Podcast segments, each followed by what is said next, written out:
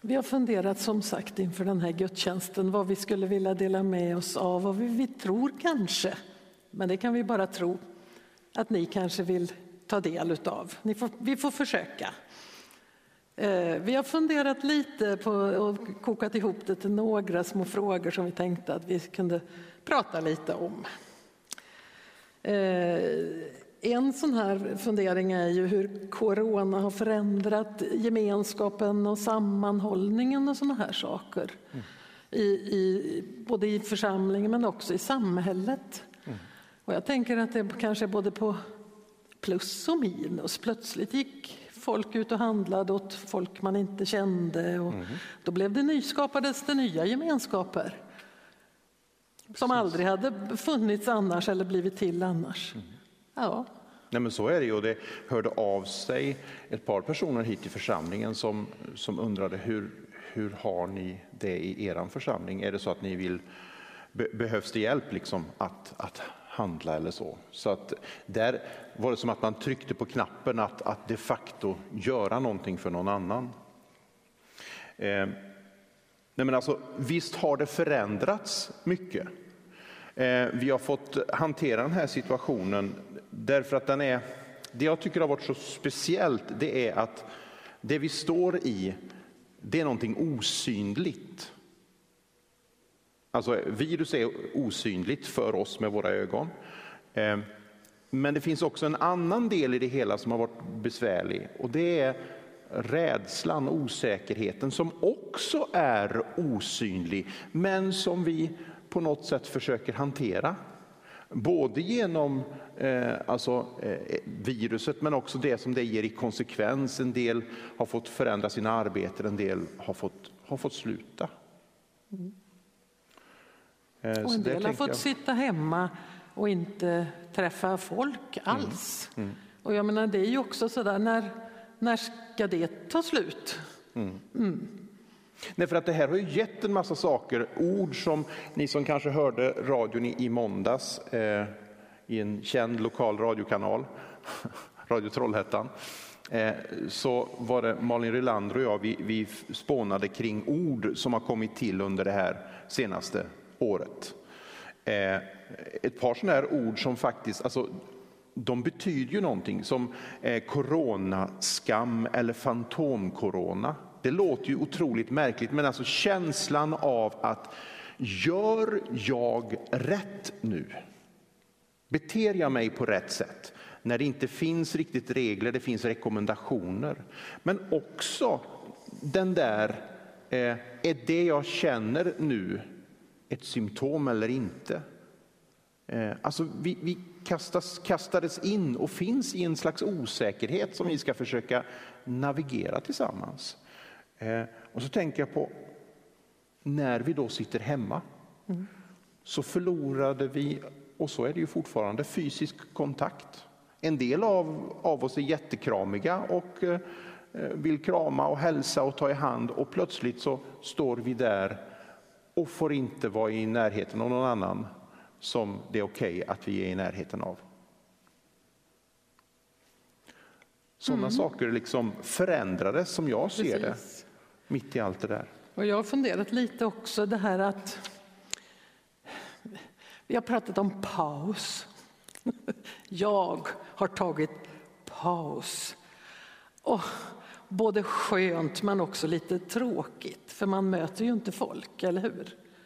Eh, men jag tänker också att vi på något sätt är ganska många, inte alla, men ganska många som har levt i ett överflöd. Det gör vi fortfarande här i det här landet och i många länder så har vi ett överflöd. Men vad är det vi har överflöd av? Det vi hade förut, det var överflöd av kulturaktiviteter, det var överflöd av resor. Och det där har ju backats ner alltihop. Vi backade ner att sitta här i gudstjänst. Vi har backat ner ganska många saker som vi har på något sätt haft roligt med och trivts med. Men också har vi fått paus i det. Jag har tyckt att det har varit jätteskönt, fast nu börjar det bli lite tråkigt att man inte har några biljetter till någon konsert att vänta på eller sådär som finns där i skåpet som man har lite att vänta på. Kanske är det så att här någonstans kommer man till den stora utmaningen, att vi har reagerat olika. Helt klart olika. Och olika dagar reagerar samma person olika. Eh, ibland blir man påmind, ja, ah, jag behöver inte göra någonting idag. Och sen blir man påmind, jag har ingenting att göra idag. Eh, alltså en utmaning av att hålla ut. Alltså det ordet blir till slut jobbigt. Att hålla ut, därför att det tar sån tid allting. Eh, och särskilt när det är någonting som vi inte ser. Utan vi blir meddelade och hör talas om och sen kanske vi blir sjuka i det. Och en del blir jättesjuka och andra blir inte så farligt sjuka. Mm. Men att hålla ut är en sån här sak som jag tror är en utmaning vi står i. Har du någon utmaning? Jag tänker att den här uthålligheten är mm. utmaningen, för när ska det ta slut? Mm. Liksom. Men hallå, i den här veckan på mitt jobb så vi har, vi har inte varit sjuka på mitt jobb, vi är 35 stycken som jobbar. Eh, vi har inte varit sjuka tidigare. Plötsligt är det en som går hem och är positiv i covid. Och så är det en till som är positiv. Sen är det tio som är sjuka. Ja, men hallå, vad gör vi? Vi backar ner, min verksamhet backade i, i våras och så har vi smugit igång med lite, lite. Då får vi backa ner det igen. Nej, vad tråkigt på jobbet. Mm. Hur ska det bli nu då? Igen? Och det här, eh, mm. liksom att man, att man liksom börjar och så får man lite, lite, lite att det är lite roligt. Och så nej då, och så. Mm. Ah, nej, tråkigt. Ja. Jag tror att en utmaning som vi har det är att hitta tillbaka. Därför att livet fortsätter. Och vi har kommit hit. Du, du är här idag och du finns med via kamera. Eh, vi är här och vi har en utmaning att på något sätt hitta tillbaka mitt i allt detta. Eh, och efter alla konstens regler också hitta tillbaka till församlingsengagemanget. Eh, därför att mitt i allt det här så, så blir vi också osäkra på vad är det som händer i kyrkan. Eh, är det gudstjänster, är det inte gudstjänster? Ska vi städa, ska vi inte städa? Ska vi titta på skärm eller inte? Eh, alltså det är så mycket som blir osäkert men faktum är att vi, vi kan vara här efter konstens alla regler och vi kan sitta hemma och delta på det sättet. Men det där att hitta tillbaka, den är tror jag viktig. Och då tänker jag att en av texterna i, i, idag, som vi inte har läst än, men läs den gärna ifrån Amos bok, det nionde kapitlet, vers 11 till 15. Eh, den, där, är liksom, där har hela Amos bok bara varit en enda domsord över eh, hur illa det har gått för Israel. Och sen i det nionde kapitlet, i slutet, då kommer Amos med ett sånt där rungande härligt hopp.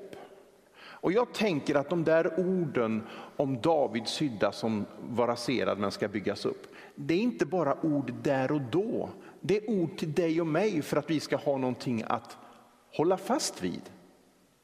För där är jag i min tro att vi kommer tillbaka.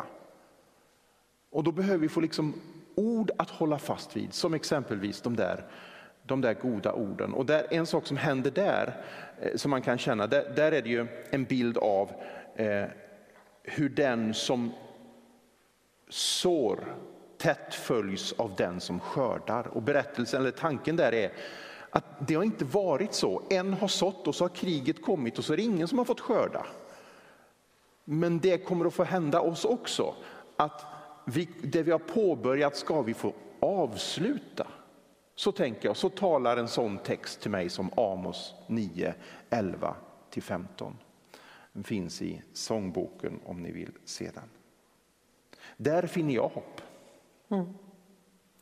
Och det finns ju ett litet fint som säger att hoppet är det sista som överger oss. Så tillsammans behöver vi också bära hoppet. Hoppet om att få, få komma lite tillbaka. Mm. Att fungera, det är saker som vi tycker borde fungera, mm. att det ska få komma tillbaka och fungera. Så det där det tänker jag är liksom ett hoppet och som, som Gud naturligtvis också finns med och i bönen, liksom att vad vi ber om för någonting. Där finns ju någonstans alltid ett hopp i en bön, tänker jag. Mm. Mm. Och det tänker jag i den situationen att vi har varit isolerade, alltså sånt konstigt ord som social distansering. Jag har liksom gått och funderat på det. Här. För mig har det varit en fysisk distansering. Mm. Eh, alltså jättetydligt. Man, man hälsar på någon och så inser man, nej, nej.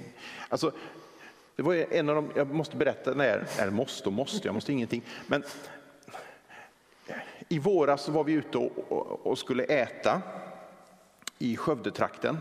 Och då eh, träffade vi en företrädare för en annan kristen kyrka i Sverige. Eh, jag tror han heter Åke Bonnier och är väl biskop i Skara stift. Och han och hans fru var där och jag tänkte, vad roligt, han träffade jag ju för ett år sedan så jag går ju fram och sträcker fram handen. Och han vet inte riktigt hur han, och så känner jag bara, men vad konstigt det blir, den här sociala grejen liksom, att är det du som står där? Är det jag som står där? Alltså för jag har kopplat handslag mm. till att här är du och jag. Och så står man där och får stoppa ner handen i fickan igen och säga roligt att se dig. Och det blir jättekonstigt. Men i det här tänker jag, i det som har hänt. Ta chansen att prata med varandra. Det måste vi göra därför att det händer någonting här inne som inte alltid är så skönt. Eh, och som ibland kan vara ett riktigt kaos. Att ta chansen att prata med dem som finns i din närhet. Och är det så att det blir för tungt, då finns vi också här eh, som anställda i församlingen. Eh, verkligen, det finns vi ändå, även om det inte är tungt. Men då också. Ta den chansen. Mm. Mm. Är vi färdigfunderade? Ska vi be? Då ber vi. Herre, tankarna är många. Men jag ber dig att likt orden i Amos om hur det som gått sönder ska få byggas upp och bli helt igen. Så ber jag dig Herre, du som är vår store läkare, du som är den som gör helt. Kom Herre, Kom och gör det helt i oss som har gått sönder under den här tiden. Så att ny kraft och nytt liv kan få gro i oss, i församlingen, i vår värld. Vi ber för dem som är särskilt utsatta, som redan innan hade det tufft. Herre, vi ber att vi ser varandra. Även om vi inte kan sträcka fram handen alltid och, och ta den andres hand. Så hjälp oss att mentalt faktiskt göra det, att finnas där och dela med varandra livet. Vi lägger alla våra tankar i den här frågan i dina händer. Herre, du som är vårt hopp och vår räddning. Amen.